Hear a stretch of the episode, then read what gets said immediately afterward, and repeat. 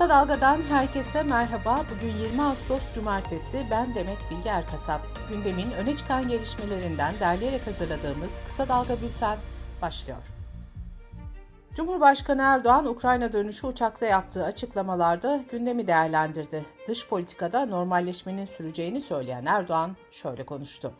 Siyasette dargınlık olmaz, her an barış içinde olacaksın. Her an görüşebilme imkanı yakalayacaksın. Devletler arasında hiçbir zaman siyasi diyalog veya diplomasi kesilip atılamaz. Mısır'la ilişkilerin bakanlar seviyesinde sürdüğünü belirten Erdoğan, Suriye ile daha ileri seviyede adımları temin etmemiz gerekiyor diye konuştu. Bizim Esed'i yenmek, yenmemek gibi bir derdimiz yok ki diyen Erdoğan, Suriye'nin halkı bizim kardeşlerimiz, Suriye'nin topraklarında gözümüz yok dedi.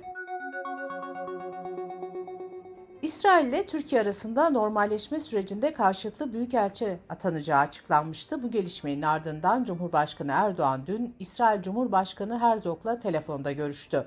Erdoğan, büyükelçilerin atanmasıyla birlikte ilişkilere yeni bir ivme kazandıracaklarını belirtti. Erdoğan, Ukrayna dönüşü uçakta yaptığı açıklamada CHP lideri Kemal Kılıçdaroğlu'nun YSK açıklamalarını da değerlendirdi. YSK Başkanı ve ekibi bunu yargıya taşımak suretiyle artık bu adama bedel ödetmeli diyen Erdoğan sözlerine şöyle devam etti. Yeri geliyor savcılara saldırıyor, yeri geliyor hakimlere saldırıyor. Ama nedense onlar da çekiniyor, korkuyorlar. Anayasayla teminat altındasınız. İnşallah 2023'te milletim sandıkta buna bir kez daha dersini verecek. Kılıçdaroğlu ise Erdoğan'ın sözlerine karşılık sosyal medyadan yanıt verdi ve şu mesajı paylaştı. Onun için mi davalarımızın hakimlerini değiştirdin? Bir de bana bedel ödetecekmişsin. Sen bu millete artık hiçbir bedel ödetemezsin, kimse korkmasın.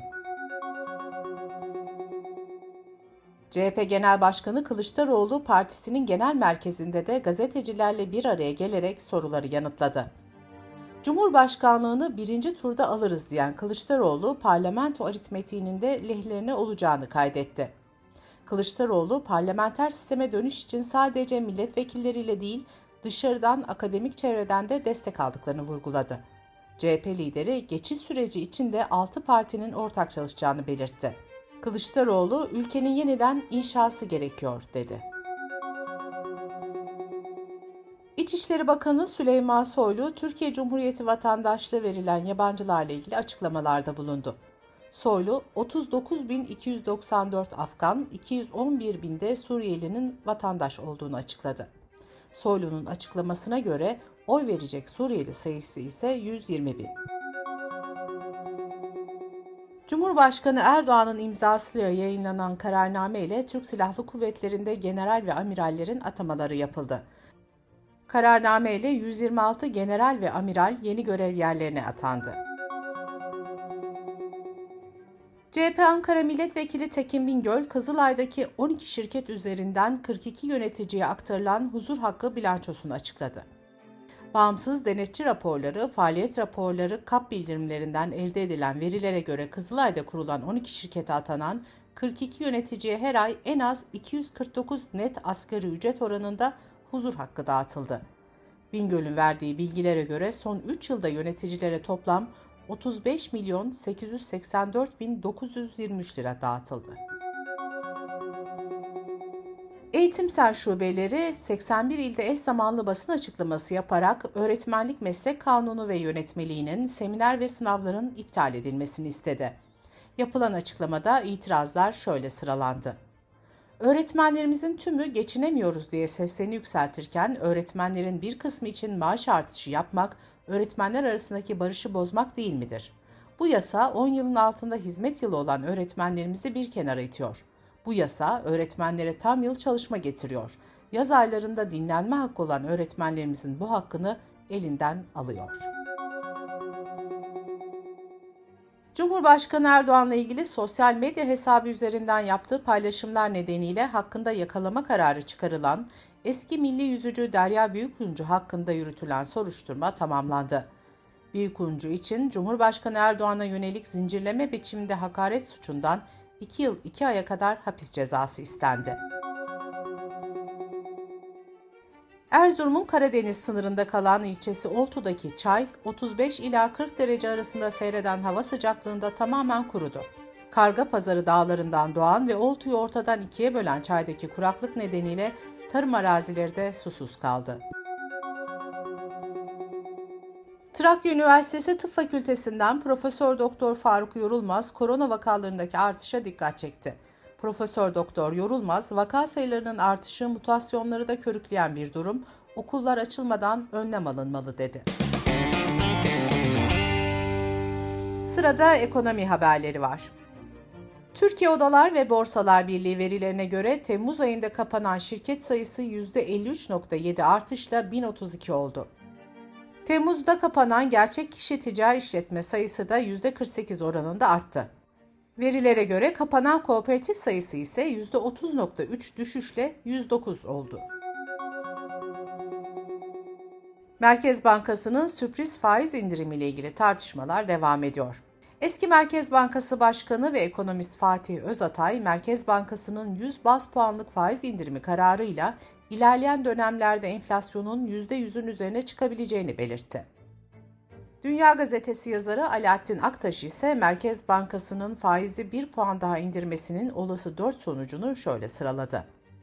Enflasyonla mücadele artık değil ikinci, kaçıncı plana atıldı belli değil. Kur yükseldi, yükselmeye devam edecek, bu da enflasyonu artıracak. İthal enflasyon artacak, akaryakıttaki ucuzlama sona erecek. Kur korumalı mevduatın yükü daha da büyüyecek. Bu arada Merkez Bankası'nın kararı sonrası yabancı kurumların Türk lirasına ilişkin analizleri de gelmeye başladı. Japonya'daki MUF Bank, dolar TL kurunun gelecek yılın ilk çeyreğinde 20 seviyesini göreceği yönünde tahmin açıkladı. Hazine ve Maliye Bakanı Nurettin Nebati, Borsa İstanbul'da işlem gören şirketlere 1-18 Ağustos arasında 13.6 milyar lira yabancı yatırım girişi gerçekleştiğini söyledi. Bakan Nebati, Merkez Bankası brüt rezervinde de 3 haftalık süreçte 15.4 milyar dolarlık artış kaydedildiğini bildirdi. Teknoloji şirketi Apple, iPhone, iPad ve MacBook'ları etkileyen ciddi bir güvenlik sorunu tespit edildiğini duyurdu. Şirket kullanıcılarına cihazlarının işletim sistemlerini güncellemeleri çağrısı yaptı. Apple, sistem açığından kaç kullanıcının etkilendiği bilgisini ise paylaşmadı. Dış politika ve dünyadan gelişmelerle kısa dalga bültene devam ediyoruz. Kasım ayında Bali'de yapılacak G20 liderler zirvesine Rusya Devlet Başkanı Putin ve Çin Devlet Başkanı Xi Jinping'in de katılma kararı aldığı duyuruldu. Reuters haber ajansına göre Endonezya Cumhurbaşkanlığı'nın danışmanı yaptığı açıklamada Putin ve Xi'nin G20 zirvesine katılacağını söyledi. Ancak Rusya ve Çin'den resmi bir açıklama gelmedi. Ukrayna Devlet Başkanı Zelenski'nin de G20 liderler zirvesine davet edildiği açıklanmıştı. ABD Dışişleri Bakanlığı, Türkiye'deki vize randevularında bekleme sürelerinin bir yılı bulması gibi güçlüklerin sebebinin COVID kısıtlamaları olduğunu duyurdu. Yapılan açıklamada vize sistemindeki sıkıntıların Türkiye'ye özgü bir durum olmadığı belirtildi. Berlin'de salı günü Almanya Başbakanı Scholz'la görüşmesi sonrasında düzenlenen basın toplantısında İsrail'in Filistinlilere Holocaust uyguladığını söyleyen Filistin lideri Mahmut Abbas hakkında Berlin polisi ön soruşturma başlattı. Abbas'ın sözleri siyasi krize neden olurken Almanya hükümeti Filistin yönetiminin diplomatik misyonunun temsilcisini başbakanlığa çağırmıştı. Abbas ise Filistinlilerin İsrail tarafından maruz bırakıldığı katliamlara dikkat çektiğini söyledi. İngiltere'de kamu çalışanları 50 yıl sonra en büyük greve hazırlanıyor. Kamu çalışanlarının bağlı olduğu sendikalar artan yaşam maliyetleri karşısında maaş zammı oranlarının yetersizliğine dikkat çekerek farklı sektörlerde kitlesel greve gidileceğini duyurdu. Sky News kanalının haberine göre kamu çalışanları sendikalarının grevi 1970'lerdeki iş bırakma eylemleri kadar büyük olabilir.